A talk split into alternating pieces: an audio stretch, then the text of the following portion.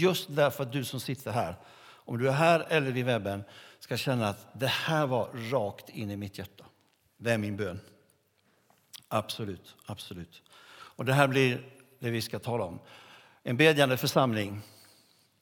Den kyrka växer som söker Gud i bön. Ehm.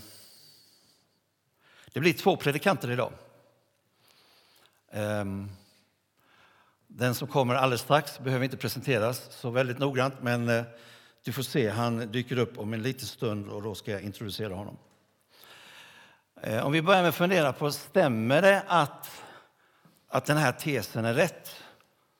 Alltså att en bedjande församling, den kyrka växer som söker Gud i bön. Vi pratar alltså om, om växer, det är alltså en tillväxt. Och när vi i så fall pratar om tillväxt så måste vi ställa oss frågan, vill vi ha tillväxt?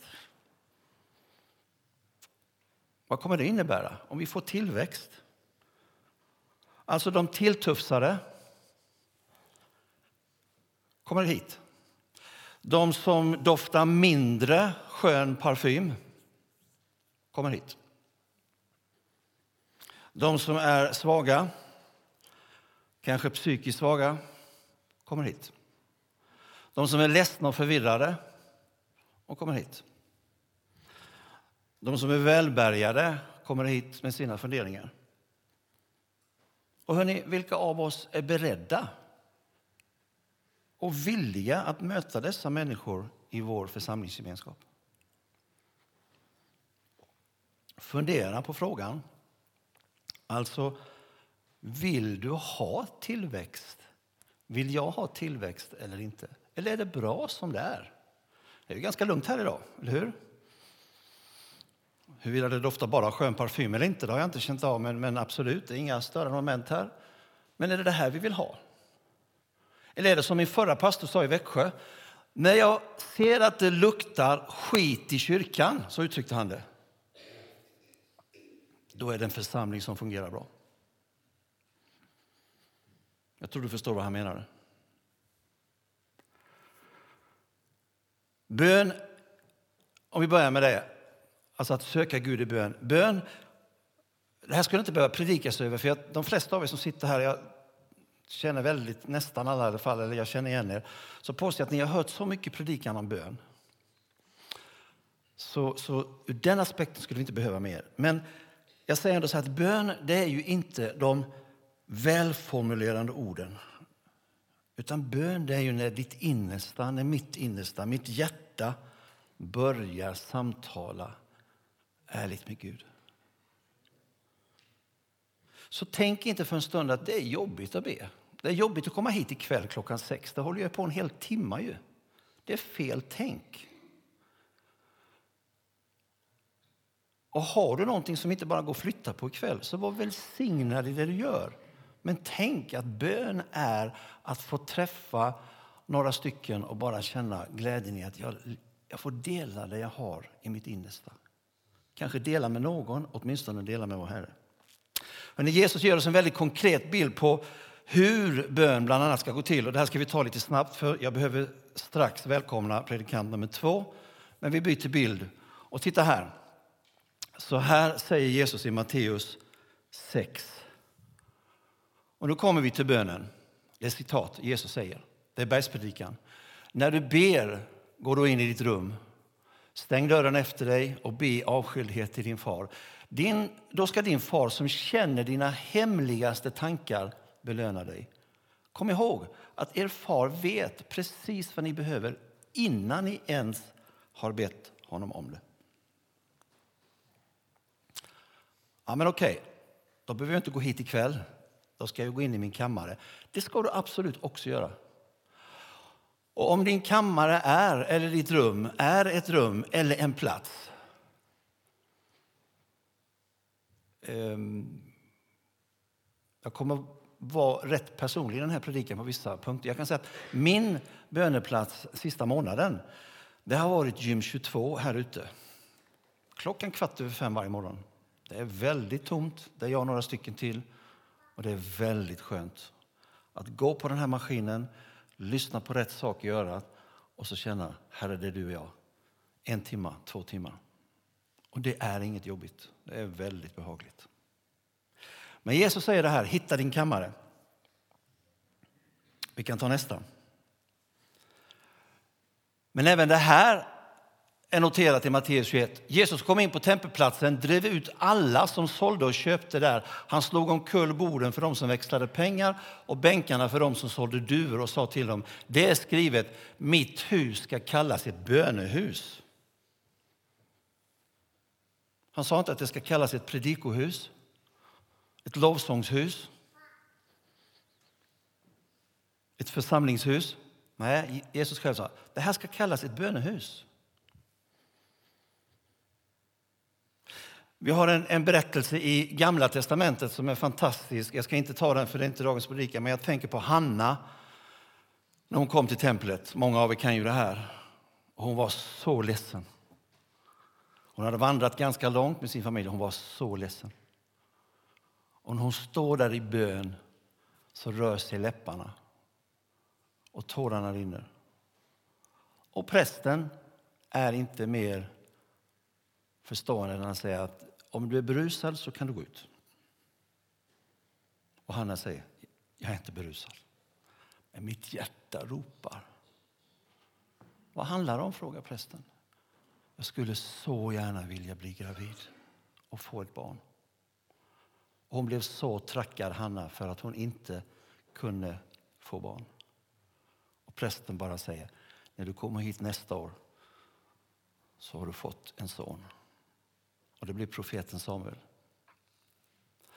Att komma in till templet, att komma till böneplatsen, till Guds hus och bara känna att mitt hjärta är på väg att brista. Gå till tempelhuset. Kom till bönen. Och känner du, jag kan inte dela detta, dela inte det. Men du är bland vänner. Du är bland de som också har något brustet någonstans. Vi tar nästa. Lukas 12 är ju lite, förlåt, 6 och 12 är lite intressant för där står det så att vid den tiden gick Jesus upp på berget för att be och han bad hela natten.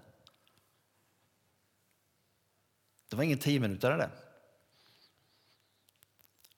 Jesus, Guds son, hade han behov att stanna upp en hel natt för att be.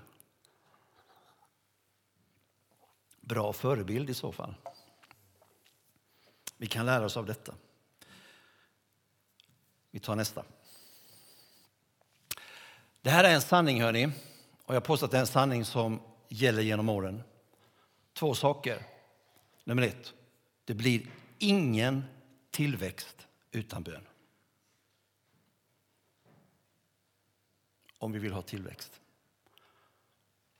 Om vi vill möta nya människor nå ut med vårt budskap. Det blir ingen tillväxt utan bön. Och den församling som växer söker Gud i bön. Det här är absolut inget nytt. Och när vi hör det här, jag säger vi nu för att, att jag fyller 64 i sommar och jag har ju vuxit upp i den här typen av kapell. Jag har ju hört min farfar och min farmor och Gustav och allt vad de hette farbröderna som de vittnade om Jesus. Och det var jag har legat där på knä när jag bara var 10-11 år. Det var jättetråkigt. När slutade bönen? Man låg och tittade på klockan. Liksom. Och, och den där bönemattan var ju inte ens mjuk längre. Den var ju jobbigt hård. Men jag gick dit i alla fall. Därför att, om inte var det väl så att min pappa tyckte att du kan väl följa med på bön. Och det var nog inte alltid att jag ville det. Men någonting fick jag med mig från början. Men att söka Gud i bön jag menar, vi kan bara landa i Apostlagärningarna och titta på hur var det alldeles i början. Det fanns ingen kyrka. Det står att man samlades i hemmen. Och nu hade man fått besked om att Petrus och Johannes, Apostlagärningarna 4, Petrus och Johannes står arresterade nu inför rätta och ska försöka förklara vad var det som hände nyligen här vid Sköna porten, Apostlagärningarna 3. Den här mannen som uppenbarligen springer och går och jublar, vad har ni gjort? Men det arresterar man dem för. Men då står det att församlingen, när vi fick höra detta, samlades i bön. Någonstans, i någon trädgård, i något hem, jag vet inte var. Absolut ingen kyrka. Eller man kanske gick till en del av templet och sa vi ställer oss här. Vi måste be för Petrus och Johannes. Och så blev de frisläppta och gick tillbaka till församlingen. Och då står det så här att då samlades alla de troende och så bad de den här bönen. Herre, du har skapat himlen och jorden och havet och allt som är i det. Och så fortsätter de. Ge oss frimodighet att fortsätta att berätta om vem du är. Och då står det, efter den bönen skakades huset där de var samlade och de fylldes alla av den helige Ande och predikade Guds ord med frimodighet.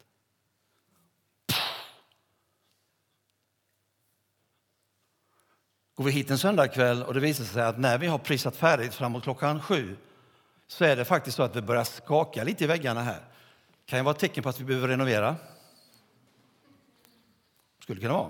Eller också är det bara att Guds kraft är manifesterad här ikväll. Jag tror inte vi ska gå hit ikväll och säga att om inte Guds kraft syns så att väggarna skakar så kommer jag inte nästa söndag. Det är dumt. Men här valde Gud att skaka om platserna de var. Och de kände, bra, vi kan gå frimodigt vidare ut. Den församlingen växer som söker Gud i bön. Nu ska jag bjuda in predikant nummer två och nu byter vi bild och han är hur bekant som helst. Eller hur? Absolut. Och alla sitter och tänker, kommer han nu? Nej, han är i Tanzania.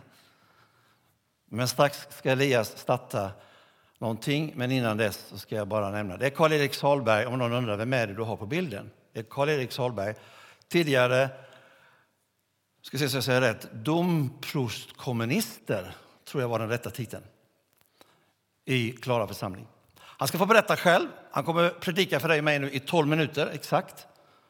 Eh, och du ska inte sitta och dutta till nu, för han har att säga på 12 minuter. Det är fantastiskt. Det är just i det här temat. Och igår när jag hade jobbat både lite på fredag med det här och jobbat med den ni nu ska se och så ser jag att Katrin går in på vår hemsida och lägger upp Karl-Erik Salberg. En del av er har sett det. Så kände jag bara, jag har inte sagt det till dig än, tack för den. Det är alltså Karl-Erik Salberg som har någonting att säga till den här församlingen. Och det är inget nytt. En del av er säger att jag har hört det här förr, men lyssna i så fall igen. För Karl-Erik han startade sin tjänst 1 januari 1989. Och det han nu ska berätta om vad som var i den stora kyrkan vid Sergels torg och vad som sen blev, det gör han bäst själv. Så vi startade klippet.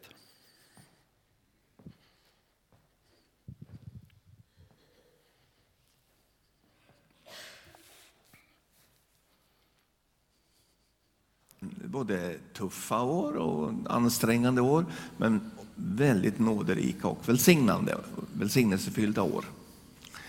Men eh, starten, och den har många av er hört och den är fortfarande lika sann, starten var den att det var ett, eh, ett krisläge för församlingen. Och egentligen är det ett ganska gott utgångsläge när man ska börja bygga och bygga nytt. Och när Gud ska få börja bygga och bygga nytt. Och de konkreta siffror som jag har, bara för att inte bara slänga ur mig något sånt där, att det var en, en församling i kris eller en kyrka i kris. Det var till exempel det att det var tre personer på min första gudstjänsten. Inledningsgudstjänsten var över. Tre personer, den yngsta var 80 år. Fina människor, men ett, eh, ett, ett uttryck ändå för ett krisläge. Det var min chef som sa till mig att om inte det händer någonting med den här kyrkan så måste vi bomma igen den. Det var en kyrkorådsledamot som sa vi måste stänga en av de tre kyrkorna i Stockholms domkyrkoförsamling och Klara kyrka ligger sämst till. Och det var eh, en biskop som sa att eh, innercitykyrkor likt, likt Sankta Klara kyrka skulle man egentligen kunna göra om till badhus. Alltså, så det, det fanns såna här, flera sådana här tecken, inte bara att man slänger ur sig någonting om att här var det så dåligt och så kom jag och så blev det så bra. Utan det, det var ett, ett, kris, ett krisläge. Jag kunde också tänka mig den första söndagen när jag var där då. Jag är en gammal präst, prästvig 1968 och minns när jag blev kyrkoherde uppe i Jämtland på 70-talet hur jag tyckte hela församlingen var på benen. Allt ifrån kyrkokören till spelmanslaget och hemvärnet. Eh, Överdådigt kyrkkaffe och så vidare. Men när jag kommer till Klara kyrka så är det inget kyrkkaffe, det är inga blommor, det, är ingen, det finns liksom ingen församling som egentligen tar emot mig. Och så kommer jag med de här nio tankarna och så kommer jag med den sjunde tanken, att den kyrka växer som söker Gud i bön. Och nu har man skrivit en sån här bok så ska man väl försöka göra någonting av det som man skriver. För jag är lite allergisk då mot sådana här så kallade församlingstillväxtexperter som vet precis hur man ska göra och, men själva aldrig liksom kavlar upp armarna någon gång och berättar hur man, hur, eller visar att man vill göra någonting. Så jag tänkte att ska jag, ska jag, ska, ska, ska, ska, ska, ska de här punkterna fungera, inklusive den sjunde, den kyrka växer som söker Gud i bön, då måste jag väl försöka göra någonting av det. Och det vi gjorde var att eh, jag eh, onsdag klockan 15 samlade eh, gruppen för en timmes bön. Och gruppen den var i var vi fyra stycken på den, då var vi många. Men det var i alla fall en, en, en timmes bön där. På något märkligt sätt så fick eh, dagens eh, ny, nyheter ringde Stockholms stift och sa vi vill göra ett reportage om en bedjande kyrka i Stockholms stift. Och eh, vilken rekommenderar ni? Och Stockholms stift sa ja men Klara kyrka, sa de. Så plöts, eh, då ringde Dagens Nyheter till oss och de hade alltså fått bilden att vi var den mest bedjande kyrkan i Stockholms stift. Det var alltså den här lilla bönegruppen på fyra personer som bäst. Så jag träffade deras reporter och vi pratade om bön och pratade om de tankarna i den här boken och så kom ju den fråga som, som jag hoppades inte skulle komma. Kan vi få komma hit med en fotograf och ta en, och ta en bild? Och det är ju svårt att säga, nej det får ni inte. Men eh, så det blev att försöka att äh, rafsa ihop de kontakter som vi hade fått där de första månaderna i vårt café som vi hade öppnat och där människor kom in. Eh, så att jag tror när Dagens Nyheter var där med sin fotograf så var vi nio på bilden i den mest bedjande kyrkan i Stockholms stift. Så det var bakgrunden och eh, jag tror kanske ändå att det hade en viss betydelse det där i andevärlden, att vi var uthålliga i bönen, ehm, även om vi var så väldigt, väldigt få. Sommaren 1994, det här har jag berättat så många gånger och episoden finns också i den här boken, så får vi ett oväntat besök från Seoul då en ehm, bibelskoleelev där kommer och ehm, säger att hon gärna arbetar hos oss med evangelisation och så vidare. Eh, bara vi ordnade mat och logi, eller logi var det egentligen bara, åt henne. Och jag såg ju det som en enorm förstärkning i denna bräckliga församling, att, en, att få hjälp av henne då på fulltidsevangelist och fullblodsevangelist. Och det, behö, det behövdes verkligen, för runt kyrkan så fanns det folk som hånglade, silade, drack eh, på, på parkbänkarna. Hon hade jobb i överflöd, den här flickan. Så jag välkomnade henne och hämtade henne på Arlanda och tänkte att hon efter en lång resa från Seoul var rätt trött, men det var hon inte, utan dagen därpå så var hon hos oss. Och hon var med på en veckomässa och det är en hel del bön i den. Hon var med på lunchmusik med, med bön, kort bön. Och så var hon uppe i Kapell Sergel som var vår Friggebod för att möta de tilltufsade runt Sergels torg, prostituerade, narkomaner, hemlösa, psykiskt sköra som vi hade startat året innan. Och hon var med där och där hade vi en eh, frivillig medarbetare. Jag vet inte om sonen är med här, men en, fantastisk frivilligarbetare, en EFS-predikant som eh, jag tror han, eh, vi brukar skämta och säga att han bad för allt som rörde sig. Så eh, han, eh, han var missnöjd om inte han fick be med människor. Och där i det här kapellet, Friggeboden, så fanns det ju hur många människor som helst att be för. Så han var säkert igång och i fart och i full fart för att be för människor. Men ändå så kommer hon ner till mig, denna Che, eh, Jong-won som hon heter, ner till kyrkan vid ungefär halv tre-tiden sin första dag där och säger pastor Salberg, I would like to talk to you. Pastor Salberg, jag vill tala med er. Och jag såg på hela hennes kroppsspråk att det var, en, eh, hon var missnöjd, arg, besviken, vilka ord man än använder. Så jag tog min goda diakonissa Inga Pagreus som skydd och satte mig tillsammans med, med den här eh, sydkoreanskan. Och så börjar hon med liksom en, inga artighetsfraser eller någonting, utan bara säger Pastor Salberg, I found that you pray too little in this church. Funnit att ni ber för lite i den här församlingen. Och det hade hon alltså funnit efter fyra, fem timmar hos oss i denna den mest bedjande kyrkan i Stockholms stift.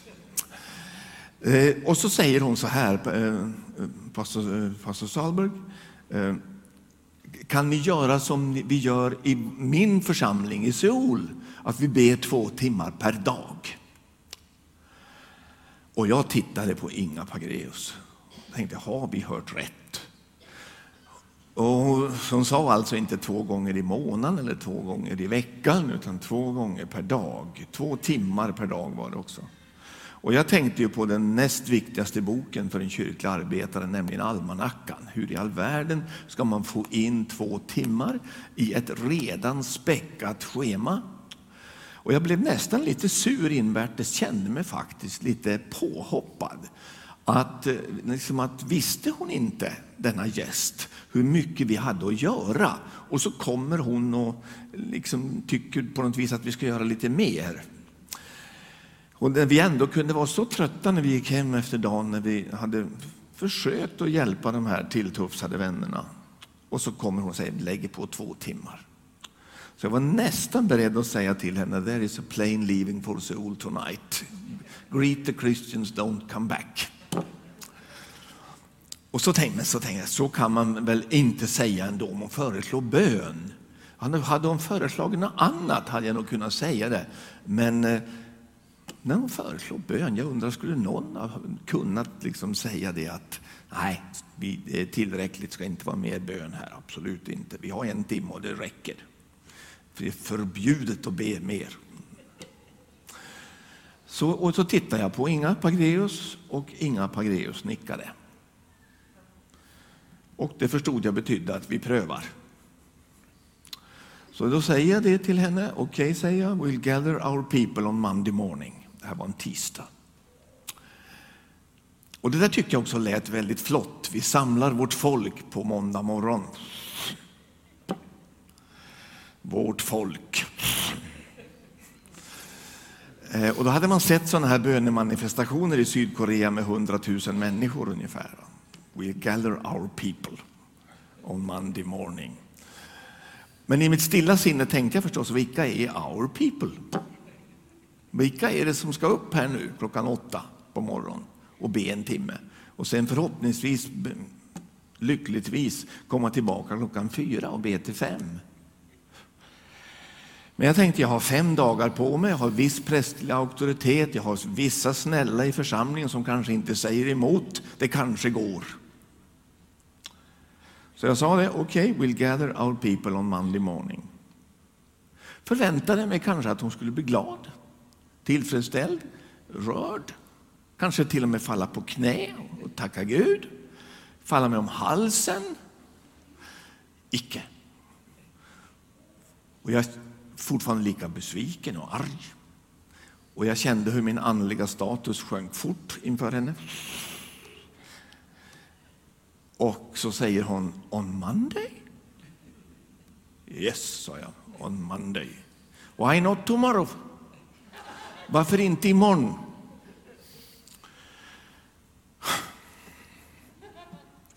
Så jag fick inga fem dagar på mig, fick fem timmar. Och de som jag frågade, hon vill ha bön, hon, hon, ja hon den där. Hon vill ha bön imorgon klockan åtta, kan du komma? Nej, då är jag upptagen. Ja, kan du komma? Nej, nej. Så tänkte jag, hur ska det här gå? Men nästa morgon då så var vi där, fyra stycken var vi på morgon. Inklusive Che Jong-won och Karl-Erik Salberg. Och så två till. Och på eftermiddagen var vi sju. Därmed har jag gett historien, vänner, och inledningen till det som mina medarbetare kallar den viktigaste anledningen till Sankta Clara kyrkas växt under 20 år. Kan bryta det. Det här är Du kan ta det andra alldeles strax. Jag är väldigt glad att, att eh, Karl-Erik Sahlberg har tid att komma till oss, eller hur? Många av er har hört innan, men det tål absolut att upprepas. Ehm, vi ska strax titta på inledningen på ett annat klipp. Hur ser, för de av oss som inte har varit i Santa Clara, hur ser den här kyrkan ut idag som då hade tre personer när han invigdes 1989? Ingen fika, inga blommor. Och vi ska strax se det här klippet. Men när jag upplevde att faktiskt den helige Ande sa alltså hjulet behöver inte uppfinnas igen. Så kände jag, nej men absolut. Och han säger också när man lyssnar lite noggrannare att det är naturligtvis lite skillnad på hur det är i innerstockholm eller hur det är kanske i en by i Norrland, förutsättningarna. Så han uppmuntrar ju lyssnarna att fundera på hur era förutsättningar ser ut. Men just det här att söka Gud i bön, det ger tillväxt. Kan man säga, ja det, ja det kanske gör det möjligtvis. Nej, han säger att det ger tillväxt. Och nu har det gått dryga 20 år, för det här var 1994 när hon från Seoul kom dit. Eh, vi kan ju ana att han var, han beskriver det ju charmigt, han blev sur. Efter en dag så tar hon kommandot och säger vissa saker och han tyckte och hem. Eh, men hur rätt hade hon? Och vi kan titta på en inledning till så kan ni se. Det här är som det ser ut i Stockholm idag.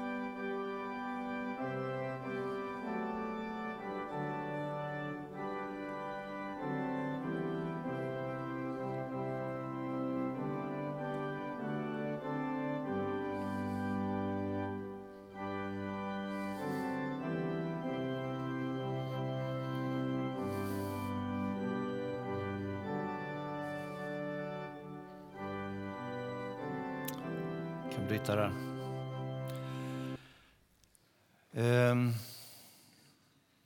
Vad har det då gett för effekt när man eh, nu eh, lyssnar på det här? Ehm. Om, du har, om du har det andra klippet, Elia, kvar. Eh, nej, jag skrev nog bara att du skulle börja vid minut tre. Där. Vi, kan, vi kan hoppa över det. Jag kan ta det istället muntligen. Det han säger här, ni ser att eh, på den här bilden står det 2000, en pundare ger Karl-Erik svaret. Jag kan berätta det istället så går det lite fortare. Eh, Karl-Erik och de står på plattan idag med ett gäng. Det är en skylt som talar om att det finns möjlighet till bön. Man serverar kaffe och så kommer det en pundare då, alltså någon som har synnerligen problem med droger och annat. Och han säger att tjenare, jag har varit pundare här sedan i slutet på 60-talet. Ehm, men, eh, sa han, det är mycket färre pundare här nu än vad det var förr. Mm. Vi har nog noterat det, sa Karl-Erik, att det, det, är färre här nu. Ja, sa killen. Jag vet vad det beror på. Jaha, sa Karl-Erik. Vad, vad beror det på? Ja, det är ni. Är det vi, sa han. Absolut, det är ni. Och då sa han, jag ska ta det, så jag hittar det ordet. Det är ni som är, som är orsaken, sa han. Hur tänker du då, sa Karl-Erik. Jo, säger den här killen som har levt med droger sedan 60-talet. Den ande som är i er är så stark så här kan vi inte vara.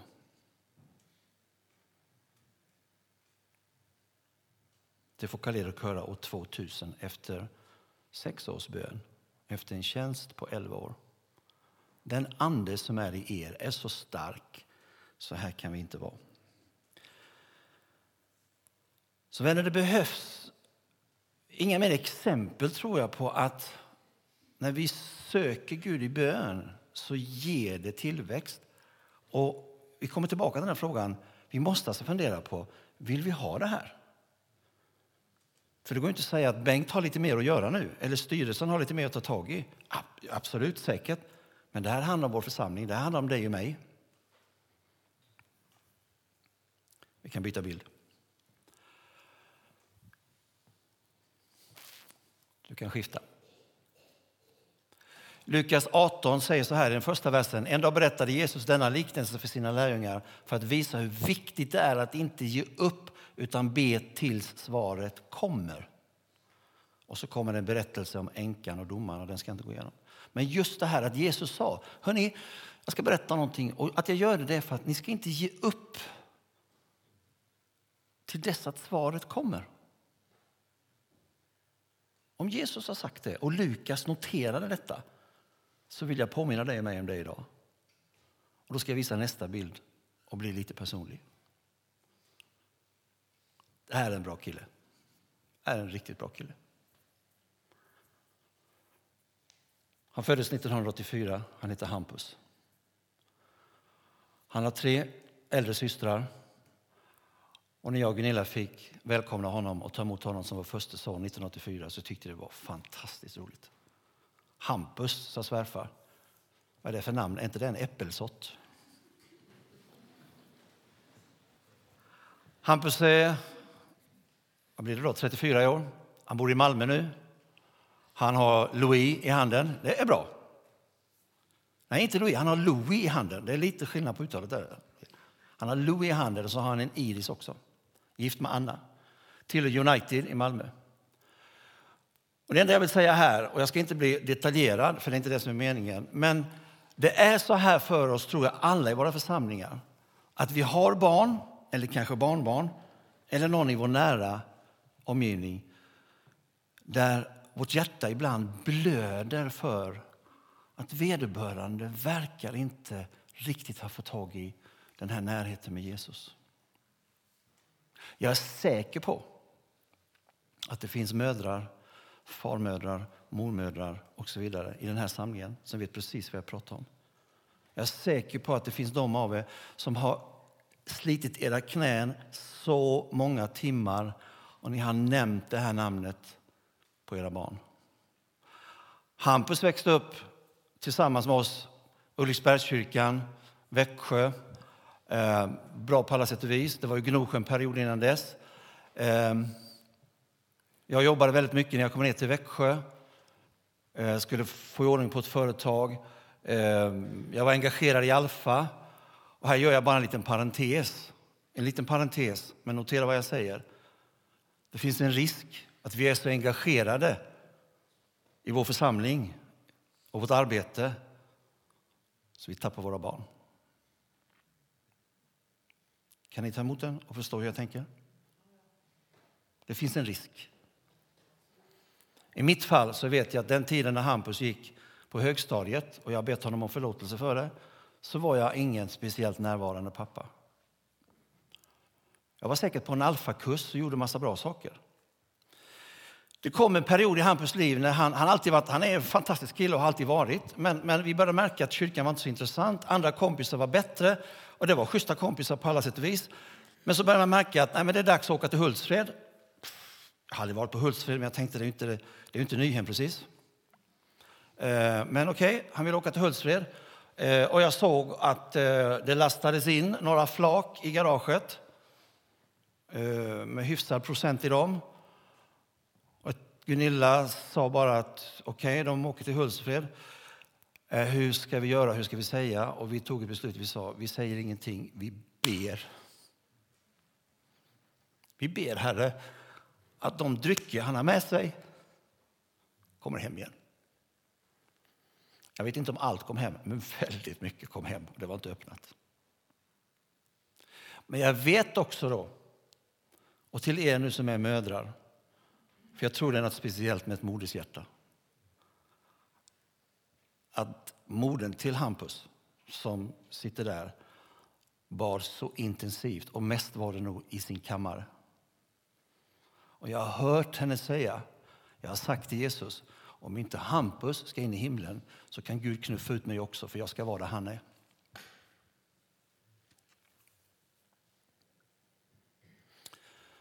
Hörrni, när vi söker Gud i bön, då sker det tillväxt. Och Hampus lämnar Växjö och flyttar till Stockholm, vilket var bra. Och så ringer han en dag och säger, tjena farsan. Farsan i hans fall betyder, det är ett, det är ett bra ord alltså. Tjena farsan, du 16 maj, vad gör ni då? Vet inte så. Har ni lust att komma upp till Stockholm? Ja, absolut. Ja, jag ska döpas då.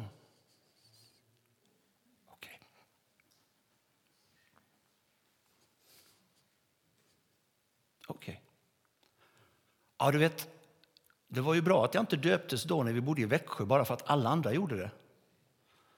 Utan nu ska jag döpas därför att jag har fått möta Jesus på riktigt. Jag kommer inte ihåg vilket år han var, Gunilla, men han är över 20 i alla fall, tror jag. Va? Nej.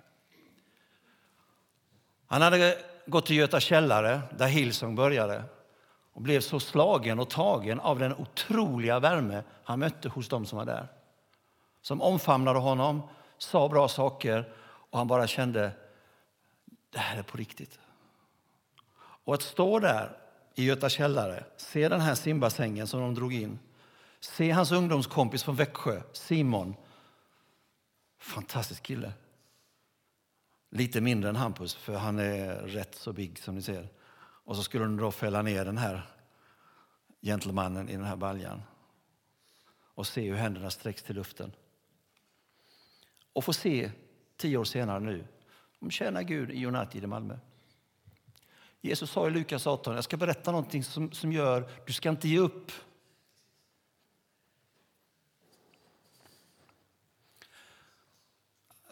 Det slår mig nu, Anders, för jag har inte pratat om det. Jag vet inte hur du tänker dig avslutningen på gudstjänsten, men, jag, men jag kommer inbjuda till en förbön och jag, jag tror att, att, Gud vill att vi ska göra så. Men vi, jag ska bara visa en sak till. Eh, vi går mot slutet. Jag ska inte säga, säga mer om Hampus, utan han får vara ett exempel på mödrar, papper, farmor, farfar. Att Lukas 18.1 säger, jag ska berätta någonting, ge inte upp. Ja, men är Gud så döv så vi ska behöva be så länge? Nej, Gud är inte döv. Han hör oss, men han älskar när vi kommer inför hans ansikte. Och det är så att vi är i en tillvaro, både med våra barn och här i Tibro, som krävs att vi är nära Gud. De välbärgade, vi tar nästa bild.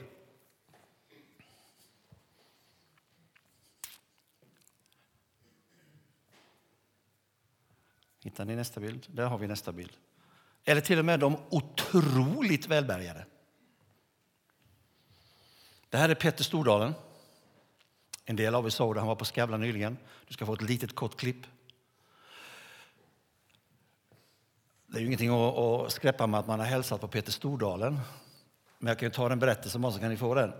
Vi bodde på ett av hans hotell. Alltså han är god för ungefär 25 miljarder, den här hotellägaren. Han har minst 190 hotell eller mer. Eh, han är riktigt, riktigt, han har riktigt, riktigt mycket. Och det är en riktig entreprenör. Och vi bor på ett av hans ställen i Göteborg vid ett tillfälle när vi var nere med, med ledningsgruppen från Canon. Och då är det så att en av mina medarbetare åker hissen ner och där åker Peter Stordalen hissen ner och båda är lika pratsamma så de står ju hinner växla en massa ord här för de skulle till gymmet. Camilla var med som skrattar. Varpå hon, min kollega, säger Ja, du, har en fantastisk chef, du måste träffa honom. Så in kommer hon när jag håller på att ta frukost och så säger hon, du, det står en kille här ute som måste träffa dig. Nu? Så jag, ja, absolut. Och jag går ut och jag känner inte ens igen honom. och så säger han, hej, jag heter Petter Stordalen. Jag har bara hört att du är en fantastisk chef, du måste berätta. Och så fick vi några minuter. Ja, sa han, och gör ni det? Och Colombia, åh, det reser sig håret på armarna, sa han. Åh, vad roligt. Mer än så känner jag inte honom. Och han har glömt mig säkert för länge sedan. Men han var på Skavlan. Och det jag vill spela upp det är att det jag inte visste, nämligen För du kommer att se att han säger snart att han är agnostiker. Men hans pappa var pingstevän. Lyssna nu om vi har hittat precis rätt klipp, för det är ganska långt. Jag hoppas vi kommer rätt. Lyssna nu vad Skavlan säger till Petter.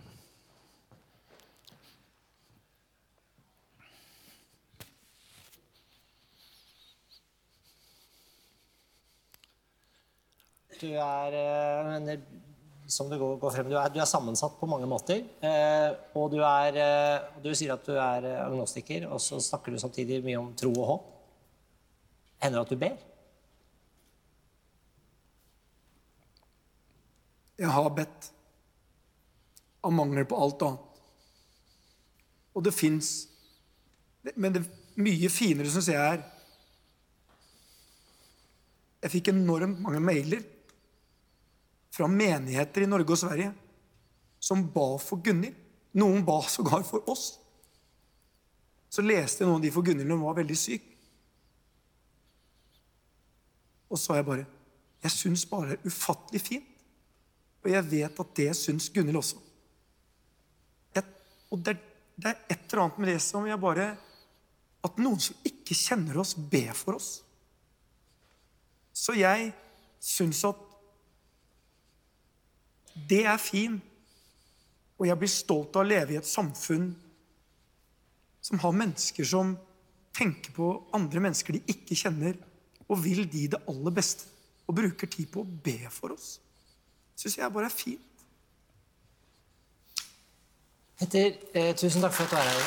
Vi skal gå videre. Vi skal få... Men vi ska avsluta den här eh, predikan. Jag synes det är väldigt flott att det finns människor i vårt samhälle, säger Petter, som inte ens känner oss och som tar tid och till och med ber för oss. Det är fint, säger han.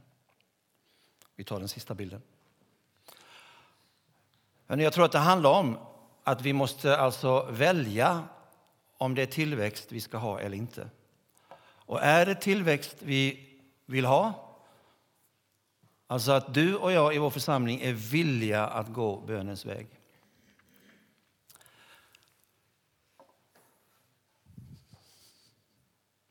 Vi har sett vad som gäller på Klara kyrka. Och vi har sett resultatet efter 20 år. Vi skulle kunna nämnt Brooklyn Tabernacle i New York, samma sak. 40 år av bön. Varje tisdag när Jim Simbala kallar sin församling så är de minst tusen stycken. Och de ber.